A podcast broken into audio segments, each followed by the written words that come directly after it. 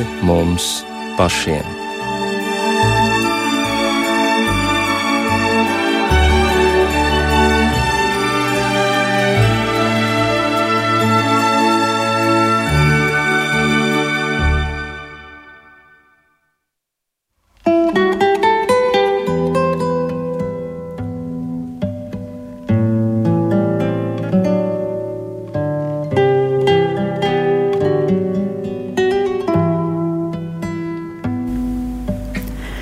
Esiet sveicināti raidījumā pāri mums pašiem. Studijā Inte Zēgnere par skanējumu rūpējas Iveta Zvejniece.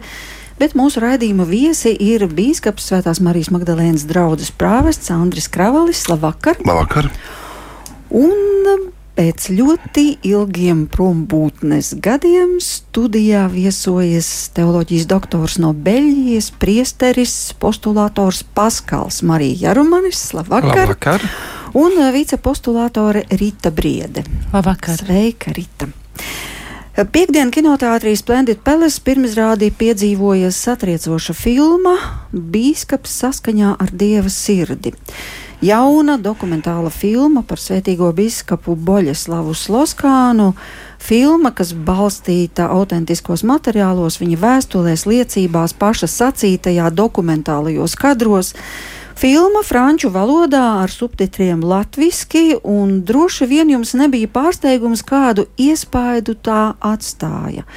Jo zālē labu brīdi pēc šīs filmas noskatīšanās valdīja pilnīgs klusums. Tā nu filma ir sākusi savu ceļu arī šeit, Latvijā. Vakar vēl bija skatāmā Magdalēnas draudzē, šodien aglonā, un runa jau nav vienīgi par filmu, bet par cilvēku, kurš ar savu dzīvi ir spējis atklāt, ka Dievs patiešām ir klātešos šajā pasaulē, ka viss ir pa īstam, ka Dievs ir dzīvs un viņu ir iespējams pieredzēt. Viņš tā kā dzīves liecinieks tam visam. Tomēr kā radās šī doma radīt filmu, jo jūs taču esat garīdznieks, nevis režisors?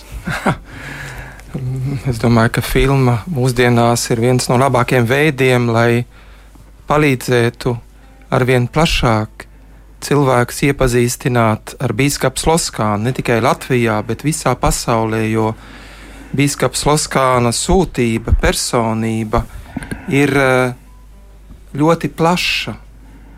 Viņa nozīmīgums ir universāls, un tad, tad Bija jau cita filma iznākusi pir, pirms vairākiem gadiem, kas tomēr bija domāta īpaši Latvijai.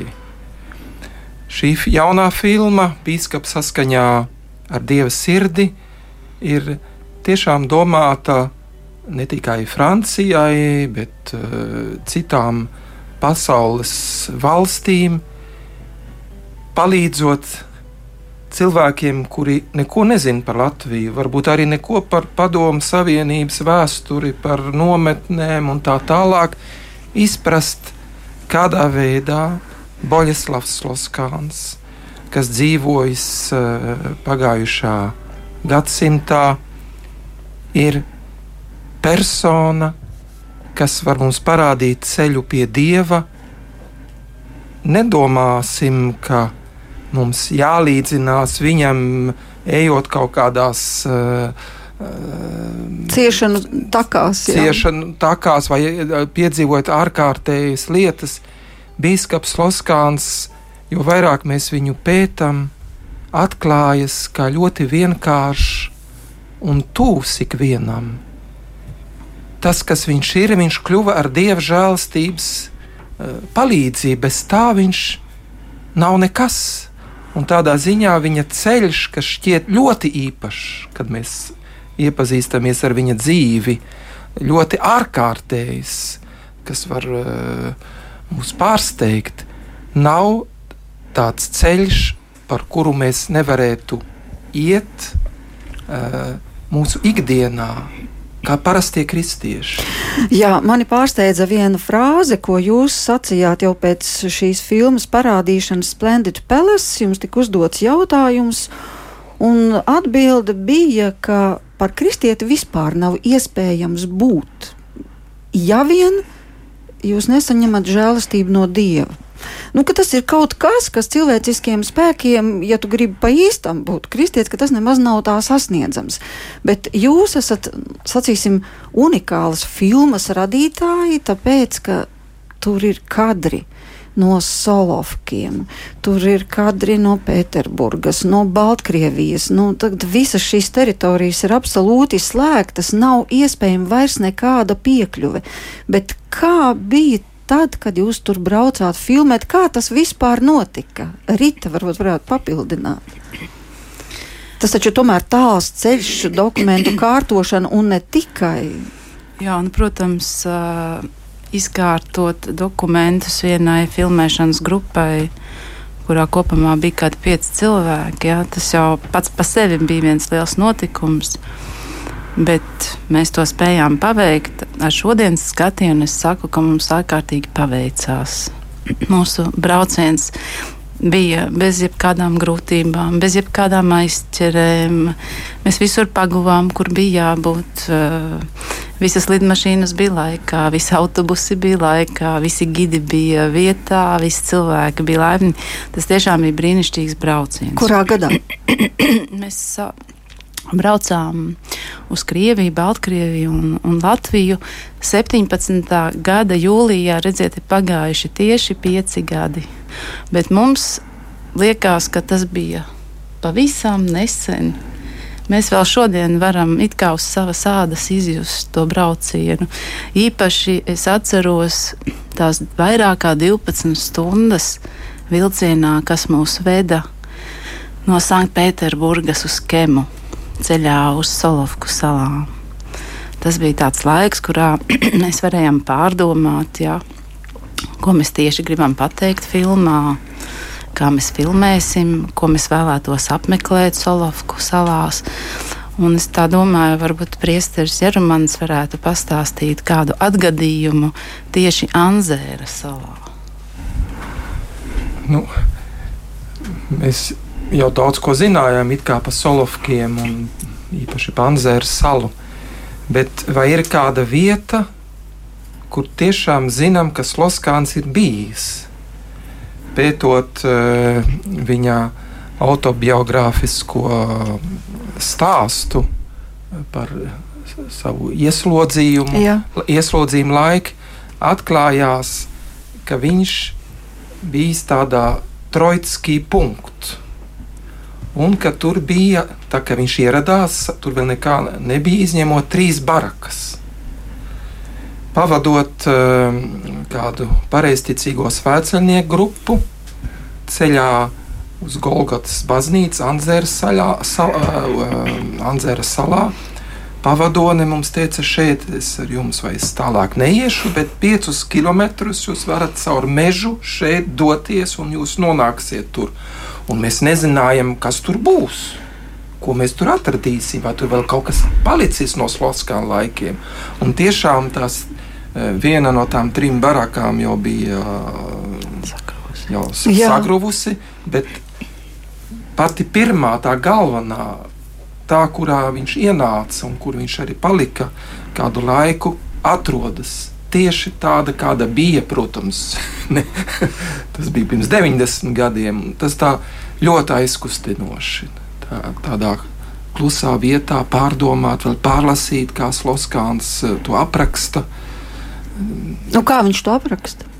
Viņš apraksta tiešām uh, pēc atmiņas, tad, kad uh, pāvests viņam prasīja aprakstīt savu visu pieredzi, savu, savu ieslodzījumu Jā. laiku. Uh, viņš apraksta, mēs, mēs tik un tik kilometrus devāmies, un tad es tur ierados, un tad tur bija tāda baraka, un tur bija uzrakstīts tas un tas, un, un es tur ienācu. Un, un tā viņš, piemēram, arī tieši runāja par to, kādu koju viņam piedāvāja. Viņam piedāvāja pareizticīga arhibīskapa koju Piotra Zviereva kurš bija saslims ar tīfu. Un neviens, protams, negribēja tur iet. Bet Sloskāns pieņēma un nesaslima. Un... Jā, nu arī tas, protams, ka tas šķiet absolūti necilvēciski, kādos apstākļos, kādā saspiestībā, kādā netīrībā, kā nu vispār Tad, kad to tā abstrakti uztver, nu, liekas, o, oh, nu, gulāks, jā, solovki, bet kad ir tā reālā saskarsme vai nu dokumentālos kadros, vai nu šajās kopajās rindiņās, jo viņš negribēja par to runāt, ka, piemēram, tur cilvēku apēda vispār kukaiņi, var teikt, nu, viņš aizgāja bojā, tur vispār saspiestībā viens pie otra, dievkalpojumu misi nebija iespējams noturēt tikai guļu stāvoklī sev uz krūtīm. Nu, Jā, bet tas vēl arī pavisam nav viss, e, kas attiecas uz šo pieredzi.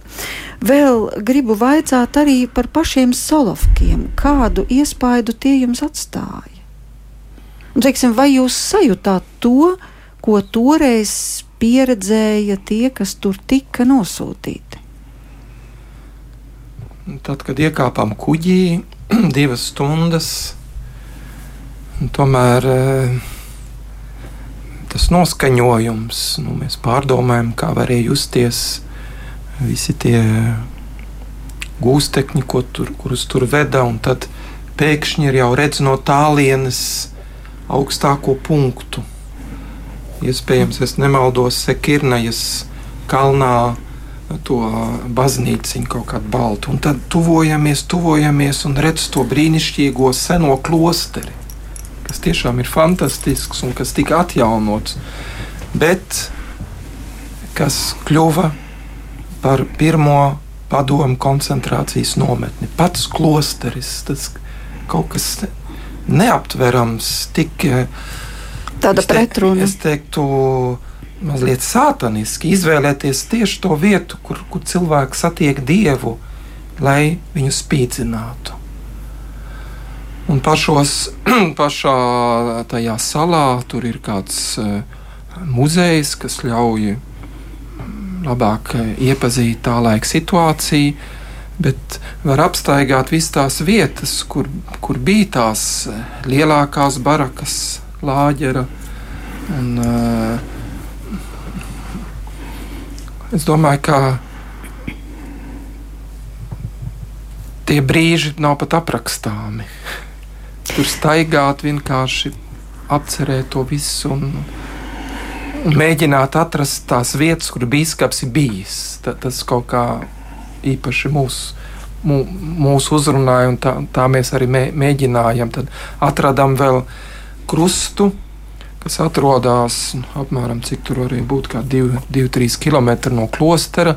Un mēs zinām, ka sākumā biskups ar pārējiem priesteriem tur varēja celebrēt misiju mežā, kādā kapelā, kas pēc tam tika nojaukta un pašreiz tur ir krusts uzstādīts. Tad atkal kāda vieta, kur mēs varam dziļā, dziļāk būt vienoti ar bīskapu Loskānu un pārējiem ieslodzītajiem.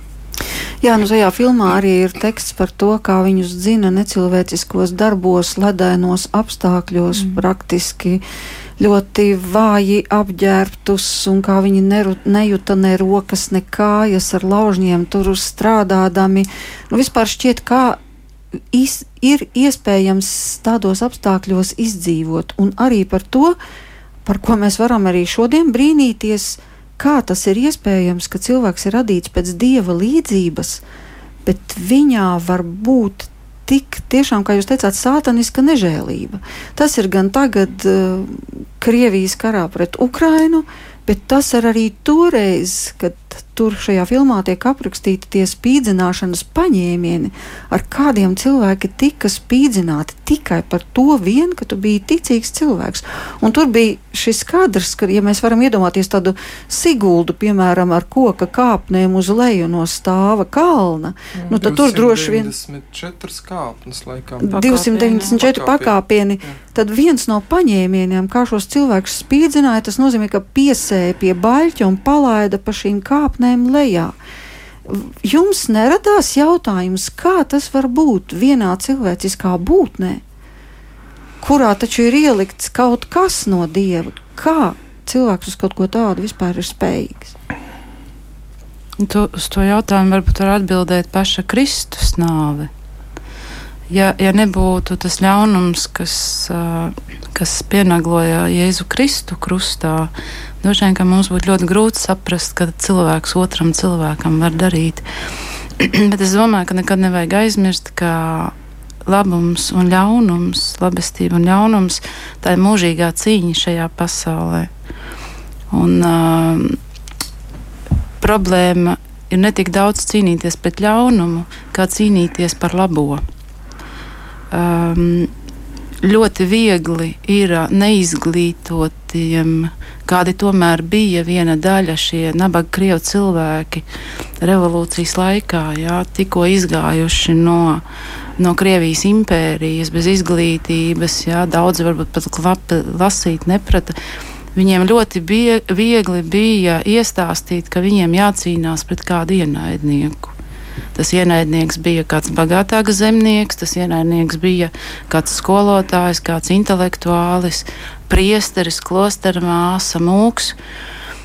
Un tā vietā, lai pārdomātu, vai es sev apkārt vairoju to labo, cilvēks ļoti ātri ieslīgs tādā domāšanā, ka vajag cīnīties ar kādu.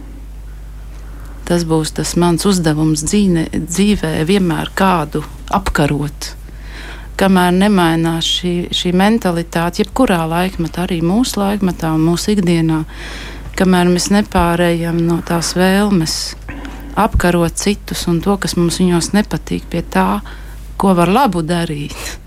Un tas var izskaidrot, kāpēc tik viegli cilvēks aiziet tādā šausmīgā mežonībā. Redziet, kā Bīskaps Loskāns jau saka, tajā Anzēra salā, ka tur tas ļaunums, ko viņš nu ir piedzīvojis visā tajā savā ieslodzījuma un trimdas laikā, tur viņš sasniedza savu augstāko punktu.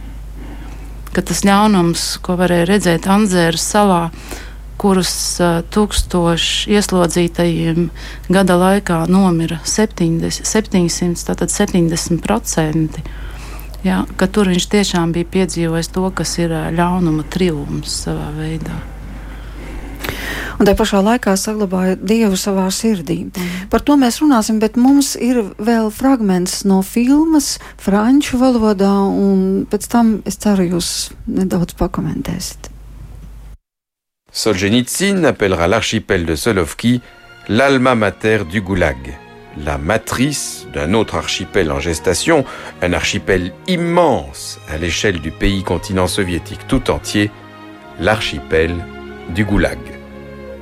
Dans ces lieux, Boleslas Loskans a vécu à fond, de manière étonnante, sa devise épiscopale. Ostia pro fratribus, une offrande pour ses frères.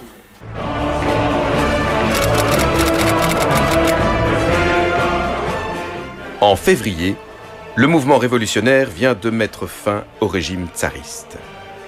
En octobre, Lénine, à la tête des bolcheviks, réussit à mettre la main sur le mouvement. Assez rapidement, les bolcheviks s'en prennent à l'Église.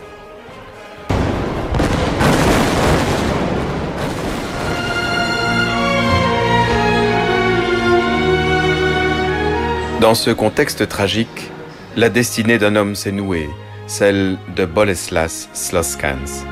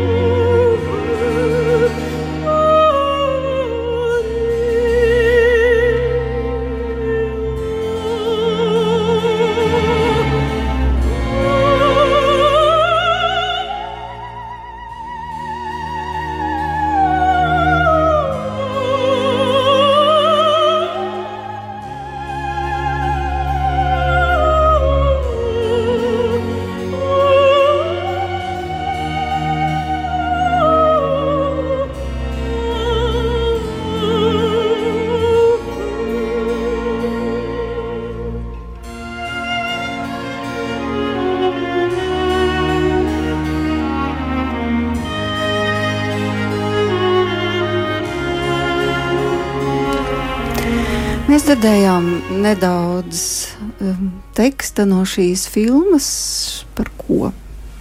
Kadri nav visiem uzreiz prātā. Mums, kā, kas to filmu esam veidojuši, tie kadri uzreiz jau, jau priekšā. Nu, protams. Uh, šeit bija salikti kādi trīs fragmenti kopā. Vispirms pieminēja Solženīcinu, kurš uh, skaidroja, ka Solovku nometne ir visa gulāga arhipelāga. Uh, Alma mater. Al, tā mīļā māte, pēc kura parauga viss tika darīts, bet viss sākās Solovkos, kā to ļoti pareizi Solženīcins ir uh, paskaidrojis. Un tad auga šīs koncentrācijas nometnes Jā. vēl un, un vēl. Mēs pieminējām Solženīcinu, tāpēc, ka viņš pazīstams visā pasaulē, un tad cilvēki, kuri neko daudz nezina, uzreiz sasaista to ar Solženīcinu, un tad tas konteksts viņiem mazliet ir saprotamāks.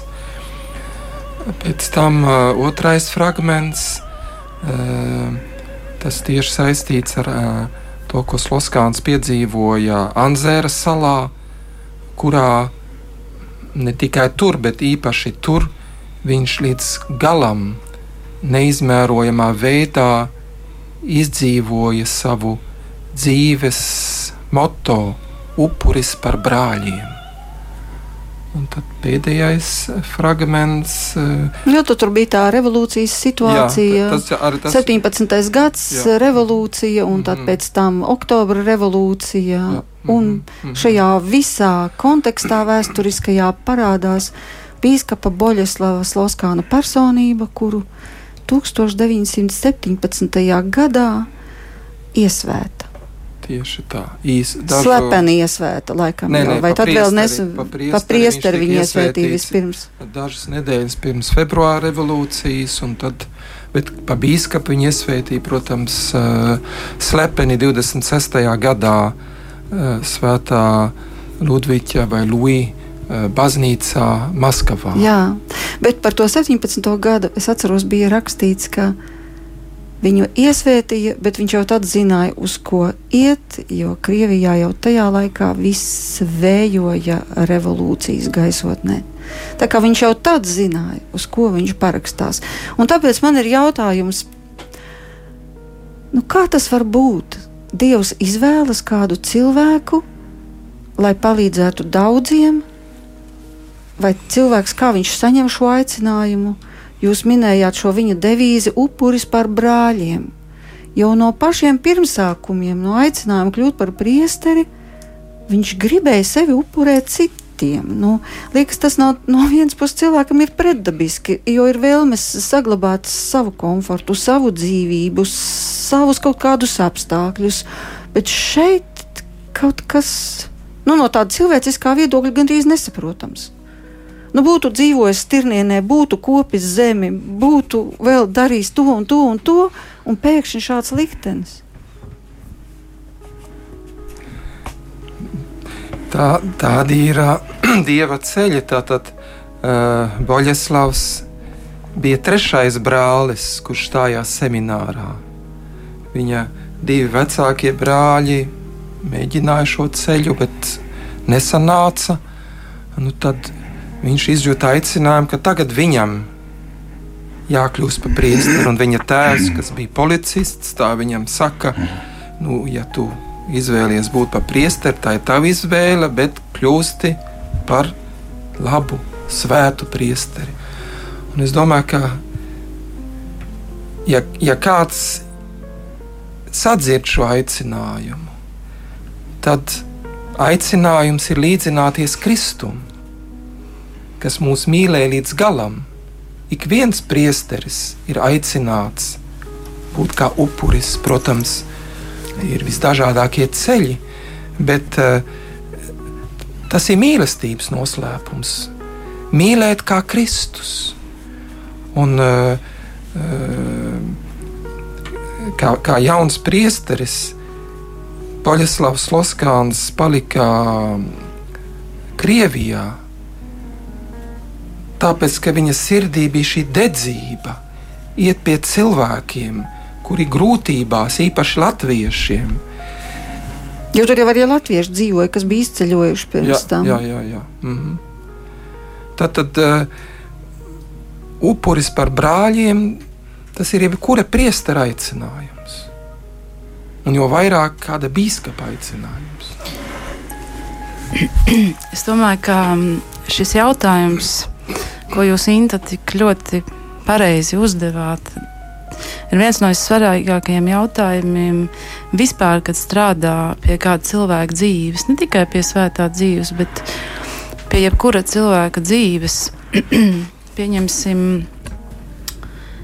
uh, es strādāju tā padziļināti jau pie postulātoru darba no apmēram vairāk kā desmit gadus.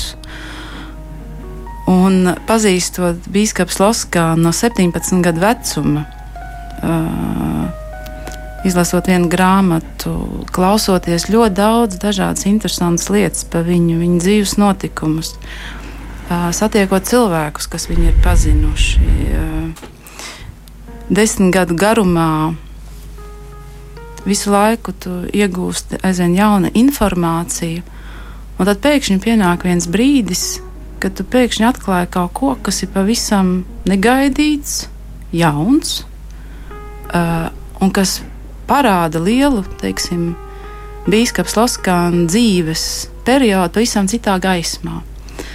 Un šodien šajā konkrētā dzīves situācijā es biju spiests nonākt pie secinājuma, cik ārkārtīgi rūpīgi ar lielu pietāti mums vajadzētu uh, pieiet vienam pie otra un kaut kādā veidā izkristalizēt savu viedokli arī par citiem cilvēkiem.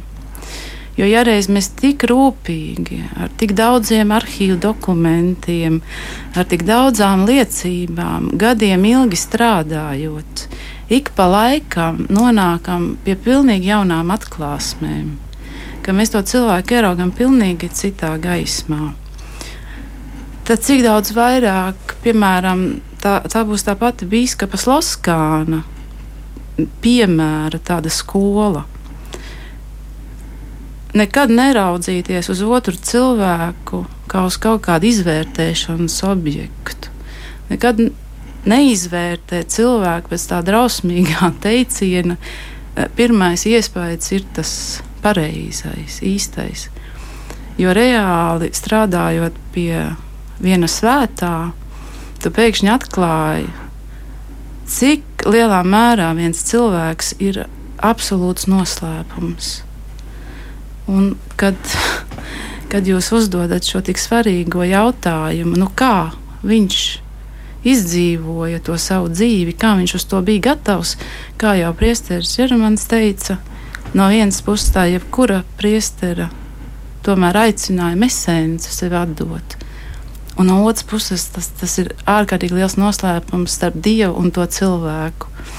Un svētie savā veidā mums iemāca raudzīties uz otru cilvēku, ikvienu cilvēku mums blakus ikdienā kā uz cilvēkam ir šis noslēpums starp viņu un dievu, kas pieder tikai viņam un pieder tikai dievam. Un mums tur nevajadzētu mēģināt rušināties vai raukties iekšā, bet mācīties kā biskupam Sloskānam, ka mīlestība, tuvāk mīlestība ir kristīgās vēsts pamatā. Un biskups Sloskāns, ja viņš varēja to visu izdzīvot zem tās savas hostie profrātribus devīzes, tas bija tāpēc, ka viņš bija cilvēks, kas vispirms dzīvoja aiz mīlestības pret savu tuvāko. Jā, bet kas bija tas jaunais, ko jūs atklājāt par tiem desmit gadiem, un jūs vēl arī minējāt, ka tika atvērti Vatikāna slepenie arhīvi. Un, ziniet, ja runa ir par Vatikāna slepenajiem arhīviem, tad uzreiz tā ir tāda milzīga intriga, ko, ko mēs tur varētu atklāt, nu, pilnīgi kādus noslēpumus, un tā tad arī par Sloskānu bija kaut kas jauns tur atrodams. Tur ir ļoti daudz kas jauns atrodams par biskupu Sloskānu, bet viena no lietām, kas man ļoti pārsteidz, Bija, ziniet, ka nu, baznīcā, kad lūk, meklē biskupus, jā, vienmēr notiek kaut kāda izmeklēšana un tiek ap, aptaujāti cilvēki. Lai izvēlētos labāko. Jā, lai izvēlētos labāko, atbilstošāko, lai izvēlētos, teiksim, nu, lai būtu kaut kāda objektīva informācija. Uh, un man pārsteidz, jo tur jau, tur jau kā sacīt, jāsaka par daudziem, tas, nu, tā, tā izmeklēšana notiek par bīskapu Sloskānu, tas, kas tur ir rakstīts, nu, ir praktiski gandrīz pa 100%. Viss ir ārkārtīgi pozitīvs. Viņš ir tāds cilvēks, pa kuri gandrīz uh, tāda vienota attieksme. Un, uh, viens no Dominikāņu tēviem, ja nemaldos, ja tagad, tur, ir, tur ir simtiem, simtiem lapas pušu, tas nav tik vienkārši atcerēties visu. Bet es domāju, ka tas bija viens no Dominikāņu tēviem, tēvs Amudhu kas pēc tam uh, kļuva arī par vienu no biskupiem tajā padomju Krievijā. Uh, viņš saka, ka biskups Loskāns bija izraisījis ārkārtīgi lielu tādu apbrīnu no savu ticības brāļu un priesteru puses, kad viņš kaut kur 22. gadā saņemot Latvijas pilsonību, Uh, viņš saņēma tātad Latvijas pilsonību, un tajā pašā brīdī padomju autoritātes viņam pateica, jums ir jāizbrauc no padomju savienības. Nu, tāpēc, jūs, ka viņš nav pilsonis vairs padomju savienības. Jūs vairs neesat padomju pilsonis, jums ir jādodas prom. Un tajā pašā brīdī bīskaps Loskāns momentā no jauna atteicās no Latvijas pilsonības un samaksājot milzīgu kukuli kaut kādam vietējam činovņikam, vietējam ierēdnim, jā, viņš atkal atgriezās pie padomju pilsonības. Un šis viņa žests tajā. Tajā izmeklēšanā viņš tiek raksturots tiešām kā, kā augstākās kaut kādas varonības un drošsirdības kaut kāda rīcība no viena cilvēka puses. Jo 22. gadā vajag atcerēties, ka tas ir pa laikmetu, tas ir laikmets, kad valdīja bats Krievijā un kad cilvēki ēda viens otru. Cilvēki tie līķi mētājās pa ielām, pa grāvmelēm. Jā, un bija tiešām tādi gadījumi, kad tika arī ēsti cilvēki. Un tieši šajā situācijā, kad ir pilnīgs haoss, kad ir drausmīga nabadzība, kad ir bats, Bīskaps Loskāns no jauna atgriežas pie padomju pilsonības un, un nolēma palikt tajā drausmīgajā, haotiskajā valstī, ja, kas vēl pat nav izveidojusies uz to 22. 3. gadu. Bet nolēma palikt tāpēc, ka viņam tur ir uzticēta kalpošana, viņam tur ir cilvēki, draugi, un viņš saprot, ka vi, tur ir jāpalīdz. Ja. Tas kaut kur līdzīgi tā kā ja mēs runājam par koncentrācijas nometnēm vācu laikā, ka bija cilvēki, garīdznieki tā skaitā, kas, piemēram, arī klostra māsa, kas atteicās pamest, kaut gan viņai piedāvāja izbraukt, viņa teica, ka viņa to nedarīs, tāpēc, ka šeit paliek cilvēki, kuriem viņa ir vajadzīga, lai runātu par Dievu, lai viņus nostiprinātu ticībā, lai vienkārši dotu mieru, lai vienkārši kalpotu tur. Un tieši tas bija tas, kāpēc, kāpēc arī Bīskaps Loskāns tā izdarīja. Nu, Bīskaps Loskāns jau īstenībā, redziet, vienā filmā nekad nevar visu pateikt, un tagad skatoties filmu. Ik pa brīdim es domāju, vai tiešām nevajadzēja to lietu, vai to tomēr ielikt un tā, bet nu, tad viņa būtu bezgalīga tā filma. Bet, piemēram, Bīskapam Slosānam ir tieši tāds pats atgadījums, kā svētajam kolbam. Ja, kad 20, apmēram uz 28. gadu eh, jau Latvijas autoritātes un arī ar laikam, polijas palīdzību, ja viņiem bija izdevies panākt, ka nu, varbūt biskups Laskans varētu no Salavkiem izkļūt ārā. Un tātad tas viss jau bija norunāts oficiālā līmenī, un no Vatikāna tiek sūtīta telegramma uz, uz, uh, tiek sūtīta uz Vatikānu, drīzāk tiek sūtīta telegramma, sakot, ka bīskaps Loskāns jau ir ceļā uz Varšavu. Ja? Un kas notiek patiesībā? Bīskaps Loskāns tiek informēts Solovkovs, ka viņš drīkst izbraukt, un viņš norāda uz vienu poļu tautības ģimenes tēvu un saka, ka šim cilvēkam ir bērni un ģimene Viņam vēl ilgi gadi jāsēž Solovkos. Man tur ir palicis tikai gads.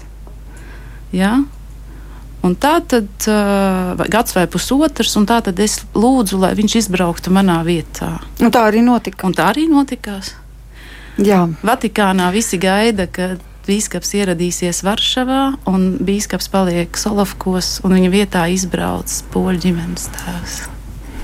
Un kopumā tie ir septiņi gadi, kas tiek pavadīti 17 padomju cietumos, kur viņš tiek sists, mocīts un kā raksta vienā no tām savām vēstulēm, ka sāpīgi jau bija, kad sit par ribām, bet tad, kad ribas tiek salauztas, tad bija tas vēl sāpīgāk. Nu, tas ir neaprakstām vienkārši. Bet jautājums ir arī par to varonības pakāpi un par to, cik lielā mērā šeit Latvijā tomēr tiek popularizēts biskupa Sloskāna vārds, un biskupa Andrija jums te arī uz galda ir viena no grāmatām, bet nu pat arī ceļu, kā jau mēs sacījām, šīs grāmatas nosaukums ir uh, Bīskaps Boļslavs Loskāns gaisma šodienas pasaulē, tātad arī nesen iznākusi. Uh, Bet eh, šobrīd arī filma tiek rādīta, un šovakar tika rādīta Magdalēnas draudzē, un būs skatāma vēl arī rīt un parīt, un nākošajā svētdienā pēc uh, dievkalpojuma, pēc vakara dievkalpojuma, kāda ir reakcija, ko jūs piedzīvojat no tiem cilvēkiem, kas viņu ir noskatījušies? Tad, nu, tas ir cilvēks, ar ko mēs lepojamies, kas uh, patiešām sevi ir kā tilts starp uh, vairākām kultūrām, starp uh, arī nu, rietumu un austrumu pasauli, kā jau tas tika teikts. Uh, cilvēks, kas dzīvo ļoti neparastā laikā, ar daudziem izaicinājumiem, un kurā mēs redzam arī mūsu tautas likteni, tos pārbaudījumus, ko viņš, ja tā var teikt, iznes sevī.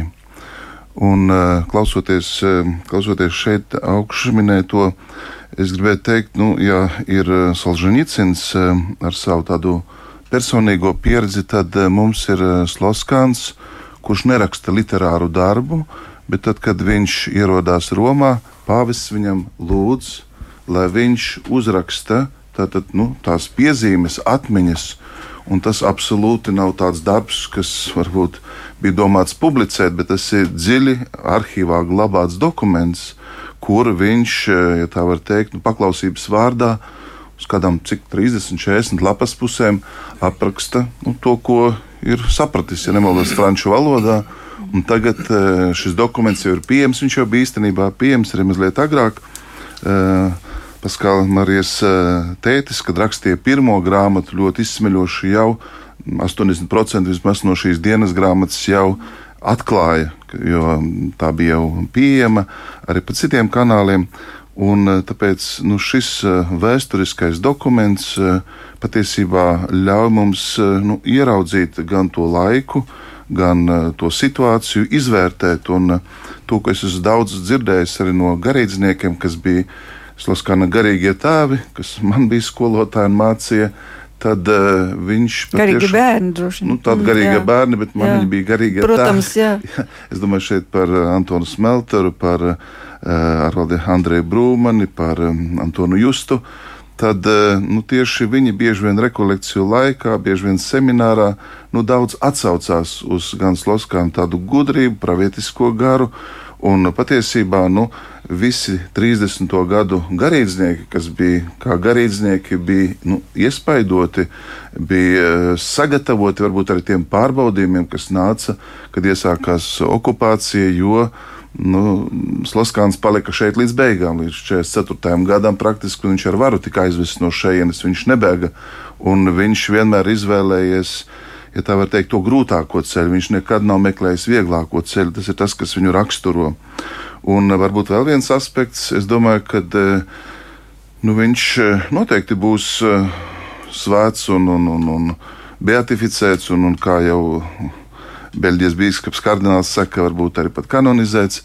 Viņš patiešām ir ekumenisks svētais, jo viņš ir kopā gan ar pareizticīgiem, gan ar citu tradīciju, konfesiju kristiešiem. Un, nu, tieši šie, šie varbūt tādi pārbaudījumi ir kā tāds nu, rūdījums, kas dod viņam eh, gudrību, dievbijību un pāri par visam, tad, tad kā cilvēku viņu raksturo, un tas arī filmā parādās, nu, viņš ir lūkšanas cilvēks.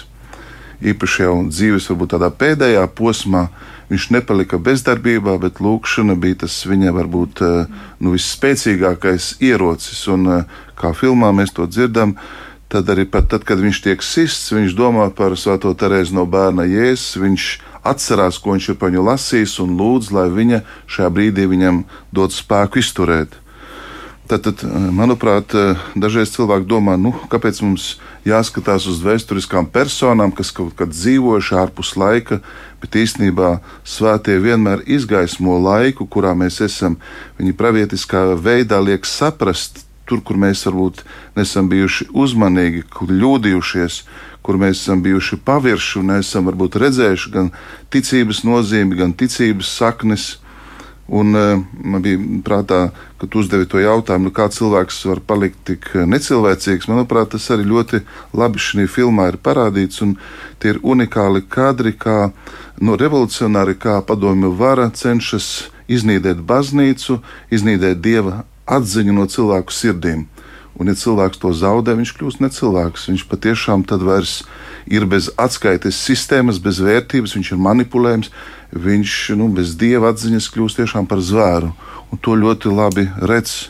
Ir daudz citu aspektu, kas šajā nu, filmā man likās ļoti tādi nu, vērā ņemami, un šī filma jau patiesībā ir nu, ne tikai tagad iznāk, viņa jau pirms vairākiem gadiem bija, bet nu, viņa ir tagad beidzot Latvijā ar latviešu subtitriem, bet jau franču televīzijā viņa daudzkārt ir rādīta. Un, eh, ja tā var teikt, caur to arī cilvēki iepazīst Latviju, tās vēsturi, arī eh, nu, tās padomju un postpadomju sekas. Un kādu iespaidu tas ir atstājis uz cilvēkiem. Un eh, es domāju, ka īpaši šodien šī filma kļūst īpaši aktuāla Viņi ir īpaši laikā, un tāpēc es domāju, nu, vajag uh, meklēt iespēju, nu, noskatīties. Viņi ir DVD formātā, viņi ir mūsu draugi, un mēs maksimāli dosim iespēju cilvēkiem, kas nāk un grib noskatīties vai iegādāties. Un, uh, manuprāt, uh, tas ir tāds nu, brīnišķīgs darbs, ko jau abi šeit režisori izdarījuši, jo es domāju, ka Latvija caur to nu, ja tā var teikt, ir nu, izskanējusi nu, ārpus Latvijas un, un Eiropas mērogā, gan ar savu tādu nu, vēsturi, gan ar šo nu, cilvēku, ar kuru mēs varam lepoties un kurš nu, arvien vairāk kļūst pazīstams. Nu, ir ielas, ir mm, piemiņas plāksnes, ir mm, katoļu gimnājā arī tāda piemiņas istaba ar viņu. Ir stirnienē vienmēr braucot, jūs varat apstāties dievnamā, kur viņš ir kristīts, kur viņa vecāki tātad arī ir piederējuši Stirnienes draudzē, tad ar vien vairāk un vairāk nu, tādu uh, meklējumu un uh, arī vēlme, ja tā var teikt, līdzināties, mācīties no viņas, saprast viņu labāk. Un īpaši tas, ka mums ir šie nu, dokumenti, ir viņa apraksts. Uh, kas ir savā veidā tiešām tāds nu, nu, ciešana un situācijas apraksts ar ļoti lielu vēsturisku precizitāti, ko šie filmi arī parāda. Un skatoties filmā, tad, tad nu, caur šīs ekspedīcijas liecību, kā nonāc atpakaļ tajos laikos, un tu redzi, kas vēl tur ir palicis pāri, un tu kļūsti kā nu, līdzdalībnieks tam, ko tad, tad um, šī filma parāda tad es iedrošinu meklēt iespējas visiem skatīties. Un, ja jūs gairāk gribiet arī uzzināt par Sloskānu, ir gan eh, Sloskāna fonds Beļģijā, gan ir šeit ir dažādas aktivitātes, ir mājaslapa un arī daudz arī, nu, citi materiāli, ja jūs meklējat internetā. Un es domāju, arī mm, Dzidras Smiltenes uh, filma Lūkšana krustā arī jau tātad ļoti daudz ko nu, parāda, atklāja. Un kas ir interesanti, ka īstenībā nu, šī filma ir balstīta liecībās un lieciniekos. Un daži jau no šiem lieciniekiem vairs nav mūsu vidū, bet tieši tas šo filmu padara, ja tā var teikt, ļoti nu, dokumentāli, nu, teiksim, efektīvu, uzrunājošu, jo cilvēki nu, dalās ar to, ko viņi paši ir piedzīvojuši, redzējuši, kas viņiem ir palīdzējis viņu dzīvēm. Jā, ja runājam par lieciniekiem, arī jūs jau esat liecinieks, jo jūs esat sastapis biskupu Boļuslavu Slavskānu vēl kā bērns, gan jūs, gan jūsu brālis Andris Marija Jermanis. Tātad jums ir vēl personiskas atmiņas par viņu. Jā, patiešām es esmu dzīvis Lēvenē, kur arī biskups dzīvoja. Nu, viņš tad pie mums atbrauca, vai mēs viņu satikām klosterī vai arī citu vietu. Un, ja tā kā visu noliekot pie malas, vienkārši mēģina atcerēties, kāds viņš bija, tad paliek atmiņā īpašs miers, kas no viņa izstaroja, kaut kas pārdabisks, pārdabisks, kas nāk no, no debesīm. Pat ja, ja biskups bija ļoti cilvēcisks, ļoti tuvs, bet uh, visa viņa personība izstaroja kaut ko no paša dieva. Un, uh, tā kā šajā filmā mēs centamies cik vien iespējams ļaut pašam biskupam stāstīt par savu dzīvi. Skatītāji, ļoti daudz skatītāju liecina, ka skatoties to filmu, viņi izjūt paša biskupa klātbūtni. Pats biskups caur to filmu ir klātesošs un ir dzīves. Taisnība, jā. Un tādēļ filmas beigās, kad mēs to filmu kaut kur izrādām, vai tas būtu Latvijā tagad, vai uh, Beļģijā, vai citviet, iestājās klusums, bet nevis tāds, tāds tukšums, bet drīzāk lūkšanas klusums, kā Bīskaps Pavlovskis to, to raksturoja Jelgavā. Jā. Nu, tomēr ir kāds ļoti svarīgs un būtisks aspekts, ja runājam par biskupu Sloskānu. Tas ir viņa šis ceļš uz svētumu. Un jums ir šis tituls postulātors. Un ko tas īsti nozīmē? Un varbūt kā tas ir ar mums saistīts? Tā tad eh, katoliskā baznīca lai kādu pasludinātu par uh, svētīgo un par svēto, mēģina cik vien iespējams iepazīt attiecīgo cilvēku. Un milzīgs darbs jau tika paveikts, es tajā arī biju iesaistīts. Postulātors bija Monsignors Van Kalsters, kas jau miris, un tieši pēc viņa kardināls, uh, Briseles kardināls De Kēzels uh, man atbalstīja, lai es, lai es turpinātu šo darbu. Darbs ir uh, varbūt vispirms pazemīgs darbs, kā jau teica Rita, ļaut pašam svētajam sevi atklāt, un mums pašiem jāiet viņa pēdās, lai varētu viņu izprast. Citā tas nav iespējams. Tā tad eh, mēs paši esam aicināti augt svētumā, lai varētu iepazīt kādu svēto. Jā, nu katrā ziņā pēc šīs filmas noskatīšanās teikšu, kā ir. Vēl viens jautājums man pašai radās par to, kāda ir mana kristietība un cik lielā mērā vienkārši es esmu iekāpusi tajā upē, kurā savulaik ir iekāpis Bīskaps Boļislavs Sloskans. Un vispār, kas ir kristietība un kas tas ir tāds par pārdabisku spēku, varbūt kuram mēs pat saucot sevi par kristiešiem īsti netiekam klāt, jo kaut kas mūs attur. Varbūt egoisms, varbūt bailes, varbūt mazdūšība, es nezinu kas, bet nu, neapšaubāmi šī filma, viņa personība, daudzas citas personības, kuras mēs jau saucam par svētām, atklāja, ka tas viss ir pa īstam. Ka var notikt lietas pārdabiskā spēkā, ka tur, kur viņš ir pilnīgi sabrucis, Dievs viņu paceļ, tāpēc ka viņš pilnībā ir uzticējies Dievam. Bet ej nu tu šajā 21. gadsimtā Rīgā dzīvojot, sasniedz tādu stāvokli. Un tas drusciņi mulsina ka šķiet, jā, bet, bet vai es vispār esmu kristieti? Un ko tas īsti nozīmē? Ja mēs paskatāmies uz viņa to piemēru, kā viņš vispār kādās attiecībās viņš bija ar Dievu.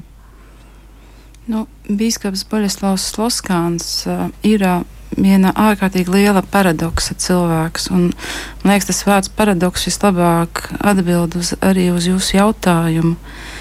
Tas kā kristīgajā ticībā nav tās loģikas, ko mums gribētu. Viņa ir paradoxāla. Tā ir, tas ir tā tāds šūpols, kas vienmēr balansē starp galīgi, galēji nespēku un dievu žēlstību. ko cilvēks var saņemt tajā nespējā. Bīskaps Laskāns svētums nav paraugs svētums. Bīskaps Laskāns svētums ir svētums, kas dzimst no tāda cilvēka dvēseles, kas sev apzinās par ārkārtīgi lielu grēcinieku un ļoti vāju cilvēku. Viņš to bieži saka, Bīskaps Loskāns. Tāpēc man liekas, ka Bīskaps Loskāns ir kā uzmundrinājums ikvienam kristietim, varbūt īpaši arī latviešiem, jo viņš tomēr ir mūsu tautas dēls. Kā tāds uzmundrinājums, nebaidīties, pieņemt sevi tādu, kāda mēs esam, un pilnībā paļauties uz Dievu, viņam sekot šajā svētuma ceļā. Un vēl pusminūte mums ir par to, ka drīkstam lūgt viņa palīdzību, un ja caur viņa aizbildniecību tiešām notiek brīnums, tad tas nozīmē, ka tālāka virzība notiek arī viņa pasludināšanā par svēto. Jā, jā. Tā tad uh, mēs varam viņu lūgt, ja mēs jūtam, ka viņš var būt mums kā draugs, kā tēvs. Un, ja ir kāda zīme, kas mums tiek dota, par to mēs varam liecināt postulācijai. Tā, tātad, kā teica arī Bīskaps Kravalis, es gribu atgādināt, filma vēl ir pieejama ne tikai draudzēs, Magdalēnas draudzē, bet pašu DVD vēl var iegādāties, pateicoties uh, nabadzīgā bērna Jēzus māsu starpniecību, kas, kuras dzīvo klostera ielā. Jā, nu, ar to mums arī šobrīd ir šī tikšanās jānoslēdz, un šobrīd skan dziedājums Salve Regina. Tas bija dziedājums, ar kuru biskups Boļslavs Loskāns aizgāja mūžībā, absolūtā gaišumā, saglabājot šo gaišumu un mīlestību pret ikvienu visu savu dzīvi. Paldies, ka šovakar dalījāties šajā pieredzē, piedzīvotajā. Es saku, um, Bīskapam Andrim Kravalim, teoloģijas doktoram, priesterim no Beļģijas, Paskālam Marijam Jerumanim un vicu postulātorei Ritai Briedei. Kopā ar jums bija Inte Zēgnere, par skanējumu rūpējās Īveta Zvejniece. Meklēsim viņa aizbildniecību, un kas to zina, varbūt piedzīvosim vēl daudzus brīnumus.